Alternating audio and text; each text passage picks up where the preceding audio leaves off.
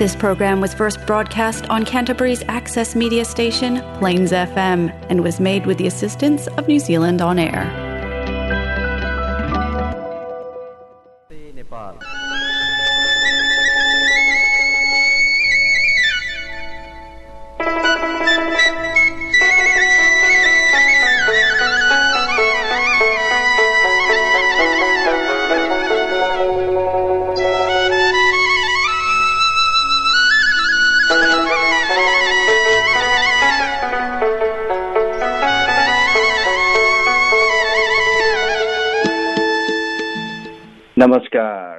नमस्कार plains FM ninety six point nine मेगाजमा यो हो क्राइसिसवासी नेपालीहरूको आफ्नै कार्यक्रम कार्यक्रम नमस्ते Nepal.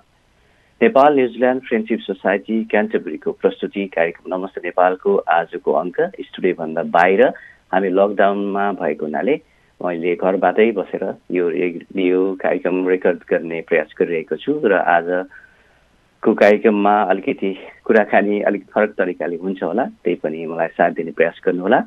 FM ninety six point nine megahertz र क्राइसिस आसपासमा प्रत्यक्ष सुन्नुहुने। अनलाइन मार्फत FM dot ORG dot NZ मार्फत र नमस्ते नेपाल क्राइसिस न्युजिल्यान्ड नामको फेसबुक पेज मार्फत अप्रत्यक्ष रूपबाट कार्यक्रम सुन्दै बस्नुभएका सम्पूर्ण श्रोताहरूलाई सधैँझै म विनोद हार्दिक स्वागत नमस्कार टक्राउँदछु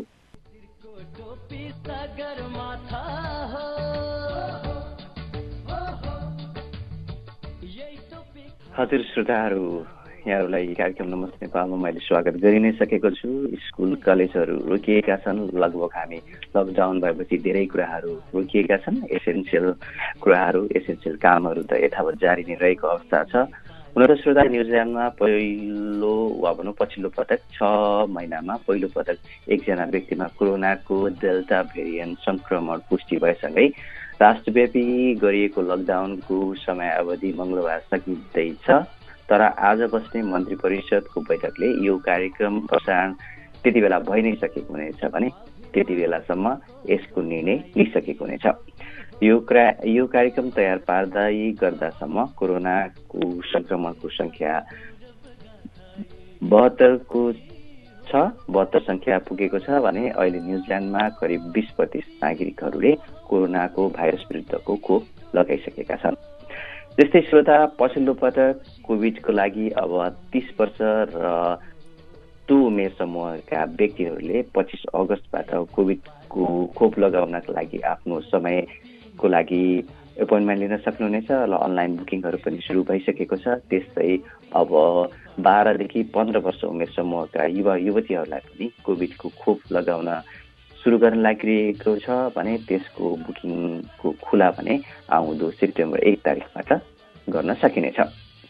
अब यो त लकडाउनसँग जोडिएको र कोभिड भ्याक्सिनसँग जोडिएका कुराहरू भयो र अब कोभिडको उपचारदेखि लिएर खोपको कुरा गर्दै गर्दाखेरि म अब यहाँहरूलाई मेड इन नेपालको एउटा अलिकति गर्विलो कुरा जोड्न लागिरहेको छु। क्यान्सर रोग विरुद्ध स्वदेशमै औषधि उत्पादन हुन लागिरहेको यो प्रसङ्ग हो। श्रोता विदेशमा उत्पादित क्यान्सर विरुद्धका महँगा औषध सेवन गरिरहेका नेपालीहरूलाई अब स्वदेशमै गुणस्तरीय र सुलभ मूल्यमा औषधि उपलब्ध हुने देखिएको छ। टिजिङ फर्मा प्राइभेट लिमिटेड नामको एक संस्थाले दुई महिनाभित्रमा स्वदेशमै क्यान्सर विरुद्धको औषधि निर्माण गर्ने तयारी लगभग तयारी पुरा गरिसकेको छ। कम्तीमा चारवटा क्यान्सर विरुद्ध औषधिको बाहिरी आवरणहरूमा मेदान मेड इन नेपाल पनि लेख्न पाइनेछ वा भनौँ हामीले त्यस लेखेको देख्न सकिनेछ। क्यान्सर विरुद्धको औषधि उत्पादन गर्ने यो उद्योग नेपालकै पहिलो उद्योग हो श्रोता चालिस वर्ष अघि भारतबाट एन्टी क्यान्सर औषधि पहिलो पटक वैधानिक रूपमा दर्ता गरी आए भएको थियो भने बुवाको पक्ष पछ्याइरहेका शैलेश वैद्यले नेपालमा क्यान्सर उत्पादन गर्ने पहिलो उद्योग खोलेका हुन्। श्रोता शरीरको रौँ र नङ बाहेक अन्य जुनसुकै अङ्गमा पनि क्यान्सर हुन सक्दछ। नेपालमा पुरुषलाई फोक्सो र महिलालाई स्तन क्यान्सरले बढी सताएको तथ्याङ्कहरूले देखाएको छ। यसको औषधि स्वदेशमै उत्पादन नहुने भएकाले भारत बङ्गलादेश र तेस्रो मुलुकबाट आयात गरिएका औषधिहरू निकै महँगो रूपबाट उपभोक्ताले खर्चिनु परेको थियो। ठुलो रकम भने अब यो औषधिहरू नेपालमै बनेपछि त्यो झन्झटिलो र त्यो अलिकति महँगोपना घटेर जाने विश्वास पनि व्यक्त गरिएको छ। त्यस्तै श्रोता कुलमान सिंह घिसिङको नियुक्तिपछिका अदालती प्रक्रियाहरू पनि चलिरहेका छन् र उनको आगमनपछि उत्साहका खबरहरू पनि रहिरहेका छन् र अहिले पछिल्लो पटक विद्युत प्राधिकरणले उज्यालो र सरसफाइ अभियान ल्याएपछि फेरि उत्साहका खबरहरू बाहिरिएका छन्। हुन भएको के छ भने विद्युत प्राधिकरणले सहरी सौन्दर्यतालाई वृद्धि गर्न उज्यालो सहर र सफाई अभियान चलाउने भएको छ। उज्यालो सहर अभियान अन्तर्गत नगरपालिकाहरूसँगको समन्वय र सहकार्यमा मुख्य सडक ऐतिहासिक सांस्कृतिक सम्पदा विश्व सम्पदा सूचीमा सूचीकृत तथा पर्यटकीय स्थानहरूमा सजावट युक्त आधुनिक बत्ती जसलाई स्मार्ट लाइटको रूपबाट पनि हामीले बुझिन्छ त्यसरी जडान गरिन लागेको छ यो कार्यक्रम अन्तर्गत। श्रोता यसरी विभिन्न खबरहरू छन्। अब अफगानिस्तानमा फँसेका नेपालीहरूको उद्धारको प्रयास पनि भइरहेको छ। त्यसमा पनि केही सङ्ख्यामा अझ पनि थुप्रै सङ्ख्यामा नेपालीहरू आउन बाँकी नै छ उद्धारको प्रतीक्षा गरेर बसिरहेका छन्। यसरी नै आजको कार्यक्रम नमस्ते नेपालको सुरुवात गरिसकेको छु। अब भने यहाँहरूलाई एउटा मिठो गीतबाट कार्यक्रममा जोड्न लागिरहेको छु। अब भने यो गीत यहाँको लागि प्रस्तुत गर्दैछु।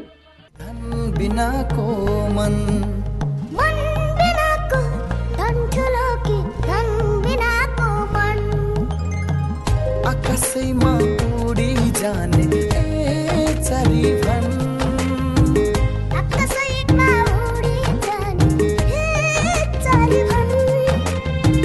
दुनियाँलाई निहाल्ने त आकाश पनि भन्।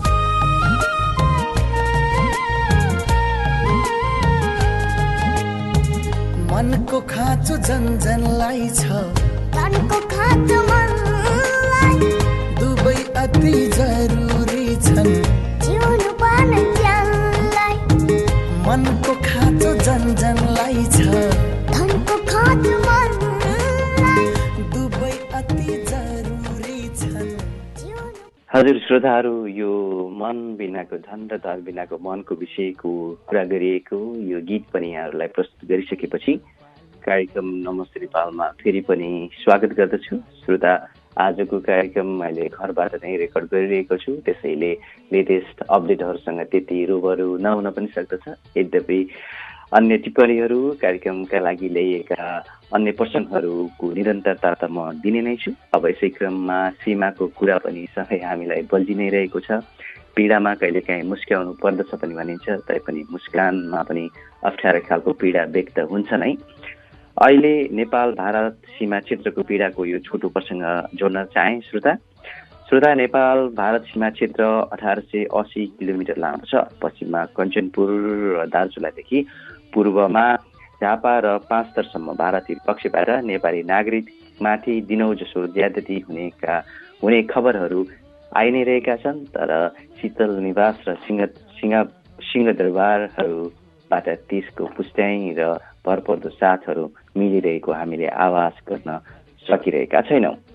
यसमध्ये धेरै घटनाहरू सार्वजनिक हुन्छन् र त्यसमध्ये तीमध्ये पनि थोरै घटनाहरू मात्रै चासोका विषयका रूपबाट सार्वजनिक जानकारीमा लिइन्छ। पछिल्लो पटक जयसिंह धामी प्रकरण पनि त्यसको उदाहरण हो। दार्चुला घटना बाहेक नेपाल भारतसँग सीमा जोडिएका पच्चिस जिल्लामा दिनौ जसो साना ठुला यस्ता घटनाहरू भइ नै रहेका हुन्छन्। सीमावर्ती क्षेत्रमा नेपाली नागरिकले कुटपिट लुटपाट व्यवहार दुर्व्यवहार र सार्वजनिक असुरक्षा बेहोर्नु परिरहेको छ। यस्ता दृष्टान्तहरू सीमा क्षेत्रमा बसोबास गर्ने स्थानीयले नै भारतीय पक्षसँग जुझेर देशको भूगोलको रक्षा गरिएको स्पष्ट हुँदछ। तर आश्चर्यको कुरा यस्ता ज्यादतीको आधिकारिक अभिलेखसम्म हुँदैन र आधिकारिक आवाज पनि मुलुकसँग छँदै छैन।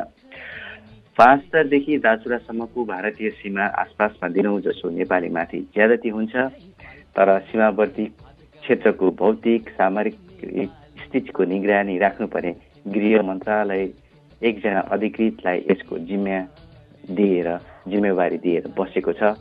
त्यसबाट नै हामीले बुझ्न सक्दछौँ सीमामा हाम्रो पीडाहरू सधैँ वर्गतिरबाट नयाँ र दोहोरिएर आउँछन्। त्यो कति पनि एउटा सुगर्विक नागरिकको लागि पाठ्यजनक कुरा हुँदै होइन। अब श्रोता हुन त अफगानिस्तानको छोटो प्रसङ्ग मैले यहाँहरूसँग जोडि नै सकेको छु। अघिल्ला कार्यक्रमहरूमा पनि।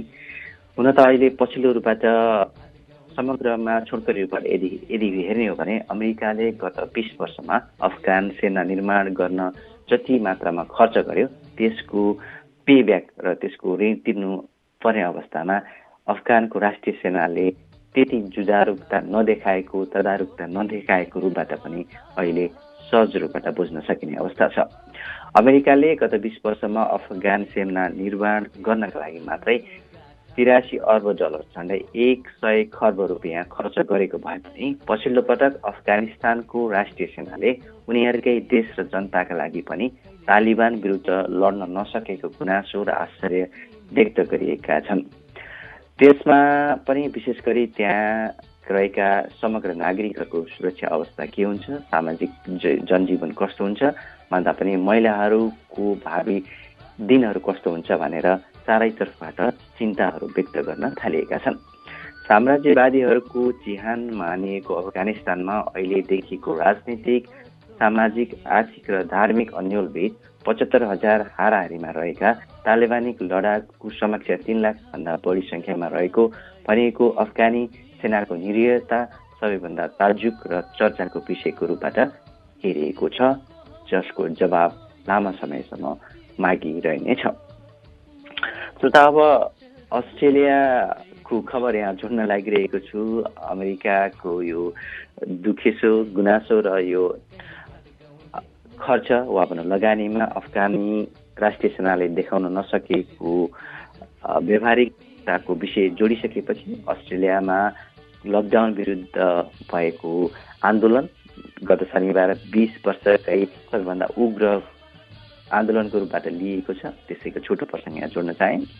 मेलबर्नको मुख्य सडकमा करिब चार हजारभन्दा बढी लकडाउन विरोध आन्दोलनकर्मीहरू उपस्थित भएका थिए। सो आन्दोलनका क्रममा जसलाई बिस वर्षकै उग्र आन्दोलनको रूपबाट हेरिएको छ। श्रोता अब यो पनि अब आन्दोलन लकडाउनको विषयको त्यसलाई अवरुद्ध गर्ने अभद्र गर्ने प्रयासहरू पनि बेला बेलामा भइरहेका छन्।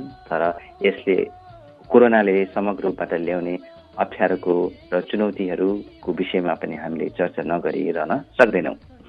जहाँसम्म नेपालीको कुरा यदि गर्ने हो भने विश्वव्यापी रूपमा फैलिएको कोरोना भाइरस कोभिड उन्नाइसका कारण विदेशी भूमिमा चार सय छ्यासीजना नेपालीहरूको मृत्यु भएको छ। नेपालमै भने यो सङ्ख्या अति नै ठुलो छ। कोरोना भाइरसबाट मृत्यु हुनेहरूको सङ्ख्या आज अहिलेसम्म दस हजार साढे दस हजारभन्दा बढी पनि नागिसकेको छ। र यतातर्फ नेपालको यस्तो स्थिति छ भने अहिले सकारात्मक रूपबाट भारतले अहिले पछिल्लो पटक दोस्रो र विशेष गरी विश्वमै पहिलो पटक अनुमति दिएको डिएनए खोप बजारमा आउन लागेको छ। कोभिड सङ्क्रमण नियन्त्रणका लागि छेसठी प्रतिशत प्रभावकारी देखिएको जिको जिको डी नामक डिएनए खोपलाई भारतको औषधि नियामकहरूले अनुमति दिएको खबर छ। भारतीय कम्पनी कारिला हेल्थ केयरले भारतमा वार्षिक रूपबाट बाह्र करोड कोरोना खोप उत्पादन गरिने बताइएको छ। यो भारतीय कम्पनीले विकास गरेको दोस्रो कोरोना खोप हो। अहिले अनुमति दिएको खोप अठाइस हजार व्यक्तिहरूमा यसअघि परीक्षण गरिसकिएको थियो। भारतमा अहिलेसम्म सन् सन्ताउन्न करोड जनसङ्ख्याले डोजको खोप लिइसकेका छन् र भारतले कोभिसिल्ड कोभ्याक्सिन र स्पुतनिक भी गरी तिनवटा कोरोना खोपलाई अनुमति दिएको छ। भारतमा करिब तेह्र प्रतिशत वयस्क मानिसहरूले पूर्ण डोज कोरोना खोप लगाएका छन् भने सत्तालिस प्रतिशतले कम्तीमा एक डोज कोरोनाको खोप अहिलेसम्म पाइसकेको अवस्था छ। श्रोता यसरी कार्यक्रम नमस्ते नेपालमा समग्र र सम्पूर्ण खबरहरू र टिप्पणीहरू जोड्ने क्रमहरू मैले गरि नै रहेको छु अनि मिठा मिठा गीत सङ्गीतहरू पनि जोड्ने क्रम नै छ। अब यहाँहरूलाई एउटा गीत सुनाउनुभन्दा अगाडि अब कोरोनाको खोप र नयाँ भेरिएन्टको अनि आन्दोलनको कुरा यहाँ मैले अस्ट्रेलियाको मेलबोर्नको कुरा जोडि नै सकेँ। अब एउटा टिप्पणी कोरोना खोप र नयाँ भेरिएन्टको विषयको छोटो टिप्पणी यहाँहरूलाई प्रस्तुत गर्न चाहेको छु। एकातर्फ श्रोता कोभिड उन्नाइसको खोप विश्वमा लगातार जारी रहिरहेको छ भने अर्कोतर्फ भाइरसबाट सङ्क्रमित व्यक्तिहरूको सङ्ख्या पनि वात्तै बढेको छ। जे होस् यी नयाँ सङ्क्रमणहरूमध्ये धेरै व्यक्तिहरू त्यस्ता छन् जो अझैसम्म खोप लगाइसकेका छैनन्। तर श्रोता अहिले देखिएका नयाँ घटनामा पूर्ण रूपबाट खोप लगाइसकेका व्यक्तिहरू समेत सङ्क्रमणमा परेका छन्। आइसल्यान्ड र इजरायल जस्ता देशहरूमा जनसङ्ख्याको धेरै जसोले खोप लगाइसकेको भए पनि तिनीहरूमा सङ्क्रमण देखिएपछि खोपको प्रभावकारिता र सङ्क्रमणका विषयमा अलिकति चिन्ता व्यक्त गर्न थालिएको छ। हामीले बुझेको कुरा नै हो श्रोता खोपले भाइरसलाई प्रत्यक्ष मार्दैन र कुनै पनि खोप सय प्रतिशत प्रभावकारी हुँदैन। खोप तपाईँ हाम्रो प्रतिरक्षा प्रणालीलाई भाइरसलाई रोक्न वा नष्ट गर्न सिकाएर काम गर्दछ। त्यो श्रोता फाइजरको पुनः खोप लिएको एक व्यक्ति डेल्टा भेरिएन्टसँग सङ्क्रमित हुन सक्दछ तर मुख्य कुरा यसले तपाईँको माध्यमबाट भाइरसको धेरै कम फैलावट रोक्नका लागि भने एउटा ठुलो र गतिलो अवरोधको रूपबाट काम गर्दछ। चिन्ता सबै ज्ञात भेरिएन्टहरूको विरुद्ध फाइजर भ्याक्सिनले सुरक्षा प्रदान गर्दछ। हामीले चिन्ता गरिए जस्तै भन्न खोजिएको श्रोता फाइजर भ्याक्सिनसँग खोप लगाएको एक व्यक्ति जो डेल्टा भेरिएन्टसँग सङ्क्रमित वा सङ्क्रमण भए पनि धेरै गम्भीर रोग नलाग्ने अस्पताल भरा नै हुनु नपर्ने र मृत्यु नै हुने सम्भावना अति नै न्यून हुने यो अध्ययनले देखाइसकेको हुनाले हामीले खोप लगाउन र लगाउन अलिकति दुविधा मान्नेहरूलाई पनि उत्साह दिनुपर्ने बेला भएको छ। यसरी नै आजको कार्यक्रममा यी सबै कुराहरू गरि नै सकेको छु। अब फेरि पनि नमस्ते नेपालमा यहाँहरूको लागि अर्को साङ्गीतिक कोसेली प्रस्तुत गर्दैछु। भेटिन्छ यात्रा जीवन कथा बन्दछ साथी धेरै भन्दछन् कोही बिचमै छाड्छन् जिन्दगीको नियति यस्तै छ। कोही सधैँ दुःख अनि सुखमा साथ दिन्छन् कोही पराई भइदिन्छन् छाडेर सधैँलाई गइदिन्छ तर किन सधैँ सँगै सबै साथमा हुन?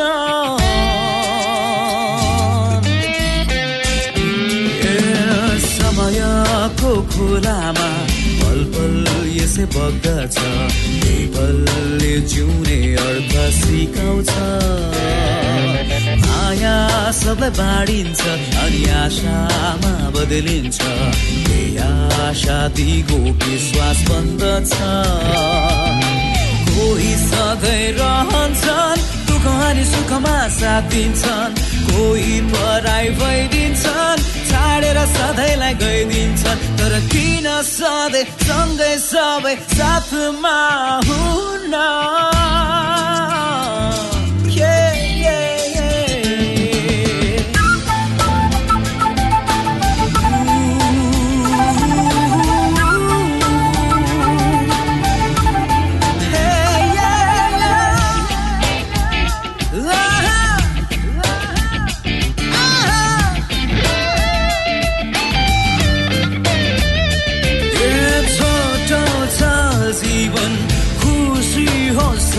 मन बितो जिन्दगी हाँसेर। साथी वरिपरि जहिले भइदिए कथाहरू साट्न पाए। सार्थक हुन्थ्यो बाँच्नुको तर प्रश्न मेरो सधैँ सधैँ कोही सधैँ रहन्छन्। दुःख अनि सुखमा साथ दिन्छन् कोही पराई भइदिन्छन्। छाडेर सधैँलाई गइदिन्छन्। तर किन सधैँ टेक अवे कन्टेनर र कपहरू अनि रोटी पाउरोटी राख्नको लागि प्रयोगमा ल्याइने झोलाहरू घरपालुवा पशु पन्छीका खाना राख्नका लागि प्रयोगमा ल्याइने झोलाहरू साना साना काठका उठ प्यालेट राख्नका लागि प्रयोगमा ल्याइने झोलाहरू तथा फ्रिजमा राखिने साग सब्जीहरू राख्नका लागि प्रयोगमा ल्याइने झोलाहरूमा के कुरा सम्मान छन्? ती सबै रातो रङको फोहोर फाल्ने भाँडोमा जान्छन्। सबै नरम खाले प्लास्टिकहरू जसलाई तपाईँले आफ्नो हातले कच्याक कुचुक पार्न सक्नुहुन्छ ती सबै तपाईँको रातो बिनमा जान्छन्। तपाईँले हाम्रो अनुवादित bin guides CCC dot govt dot NZ slash bin गाइड्सबाट प्राप्त गर्न सक्नुहुन्छ।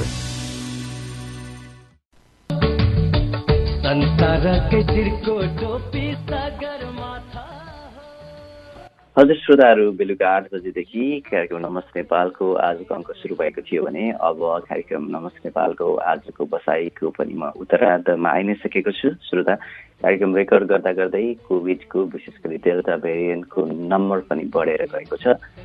बहत्तर भएकोमा आज फेरि पैँतिस थपिएर एक सय सात डेल्टा भेरिएन्ट न्युजिल्यान्डबाट रहेको छ। जुनलाई एक्टिभ केसको रूपबाट पनि हामीले बुझिन्छ। जुन एमआइक्यू को सङ्ख्यालाई इन्क्लुड नगर्दाखेरिको अवस्था हो। श्रोता अब कार्यक्रमको अन्तिम अन्तिम चरणमा आउँदै गर्दाखेरि अब यहाँहरूको लागि यो हप्ता विशेष दिनहरूको छोटो चर्चा पनि गर्न चाहे। विशेष गरी न्युजिल्यान्डको इतिहासमा आजको दिन तेइस अगस्तको प्रसङ्ग यहाँ जोड्न चाहे। यो भएको वर्ष थियो सन् उन्नाइस सय बिस। श्रोता यो प्रसङ्ग हो न्युजिल्यान्डको पहिलो महिला ओलम्पियनसँग जोडिएको प्रसङ्ग हो। पन्ध्र वर्षीय बायोलेटा बाई वालेन्ड बेल्जियमको एन्टवर्कको स्विमिङ पुलको चिसो पानीमा प्रवेश गरेसँगै न्युजिल्यान्डको पहिलो महिला ओलम्पियन बनेकी थिइन्। सन् उन्नाइस सय तेइसको अर्को ओलम्पिक लन्डन ओलम्पिकमा लन्डनको थेम्स नदीमा आठ किलोमिटरको दौडमा स्विमिङकै प्रतिस्पर्धा श्रोता तेस्रो भएकी थिइन् उनी र त्यसपछि सिडनीमा भएको अस्ट्रेलियन स्विमिङ युनियन च्याम्पियनसिपमा हन्ड्रेड यार फ्री स्टाइल समेत जितेकी थिइन् तर दुःखद रूपबाट श्रोता उनले अचानक उनको बुवाले घोषणा गरिदिइन् कि बेलोएट र उनकी कान्छी बहिनीले स्विमिङ खेल्नबाट सेवानिवृत्त वा भनौँ रिटायर लिनेछन् भनेर उनको बुवाले घोषणा गरिदिएपछि अठार वर्षीय बायोलेटाले अनिच्छुक हुँदाहुँदै पनि आफ्नो बुवाको आदेशलाई स्वीकार गरेर खेल जीवनबाट सन्यास लिएकी थिइन्। त्यस्तै श्रोता अब विशेष दिनमा चाडपर्वको प्रसङ्ग उठाउँदै गर्दाखेरि हिजो मात्रै हामीले जनै पूर्णिमा र क्वान्टीका कुराहरू पनि उठाइदिन सकेका छौँ र त्यसको महसुस पनि गरिसकेका छौँ स्वाद पनि चाखिसकेका छौँ भने आज विशेष दिन गाई जात्राको प्रसङ्ग पनि छ। त्यसैको छोटो प्रसङ्ग यहाँ जोड्न चाहेँ। श्रोता यो जात्रा विशेष बितेको वर्षदेखि आफन्तजन गुमाउने परिवारका सदस्यहरूका लागि मृतकको सम्झना स्नेह र निकटताका क्षणहरूको विशेष स्थान रहने कारणले अत्यन्त महत्त्व राख्दछ। विशेष गरी नेवार समुदायमा मनाइने यो चाड चाडपर्व नेपालकै प्रमुख चाडपर्वहरू मध्ये पनि पर्दछ। नेपाल भाषामा गाई जात्रालाई सपारू भनिन्छ। सडकमा गाई गाईकै भेष अथवा विभिन्न मुकुन्डो सहितका झाँकी लगायतका थुप्रै रनकताहरू देखिन्छ। गाई जात्रामा विभिन्न रसिक कुराकानी छचोली चुटकिला प्रहसन समेत गरिन्छ। मृत्यु भएका आफन्तको सम्झना गरिने जात्रामा आत्म आत्मसात गरिएको रमाइलो र हाँसोका माध्यमहरूलाई विचार गर्ने हो भने गाई जात्राले जन्मेपछि मृत्यु अवश्य हुन्छ र यसलाई जीवनको एउटा अनिवार्य प्रक्रियाका रूपबाट लिएर अघि बढ्न मृतक र शोक सन्तप्त परिवारजनलाई पनि आह्वान गरेको भान पनि गराउँदछ। विक्रम सम्बत सोह्र सय एकचालिसदेखि सोह्र सय चौसठीसम्म राजा भएका राजा प्रताप मल्लले उक्त जात्रामा विभिन्न छट्टा चटक र व्यङ्ग्यहरूलाई पनि समावेश गर्नका लागि जनतालाई प्रोत्साहन गरेको हुँदा आफ्नो नाबालक छोराको निधनले विक्षिप्त भएकी रानीले आफ्नै सम्पूर्ण आफ्नो सम्पूर्ण पीडा बिसाएर फोरा छोडेर हाँसेको प्रसङ्ग समेत इतिहासमा उल्लेख गरेको पाइन्छ भने समाज र राजनीतिमा व्याप्त असङ्गति विसङ्गतिका विषयमा पनि विभिन्न छट्यौली चुड्किला प्रवचनहरूको माध्यमबाट त्यसलाई समाजलाई बुझ्ने बुझाउने कुराहरू गरिन्छ र अब हास्य कलाकारहरूको विशेष दिनको रूपबाट पनि गाई जात्रालाई लिइन्छ हुन त अझाल हास्य कलाकारहरूले पनि नेपालको हरेक क्षेत्रमा हरेक दिन गाई जात्राकै रूपबाट भइरहेको कुरालाई उत्साह गर्दा विशेष दिन कुन हो भन्ने पनि अलमल भएको छ। त्यस्तै श्रोता अब हामी कार्यक्रमको अन्तिम अन्तिम चरणमा आउँदै गर्दा नेपाली साहित्य समाज न्युजिल्यान्डको सौजन्यमा हामीले त्यहाँबाट प्राप्त भएका कम प्रयोगमा आउने र प्रयोगको रूपबाट हराउँदै गएका र ओजेलमा पर्दै गएका शब्दहरूको तात्पर्य यहाँहरूलाई बुझाउने प्रयास गरिरहेका छौँ। त्यसै क्रममा आजका दुई शब्दहरू परेका छन् तुलिका र कौटी।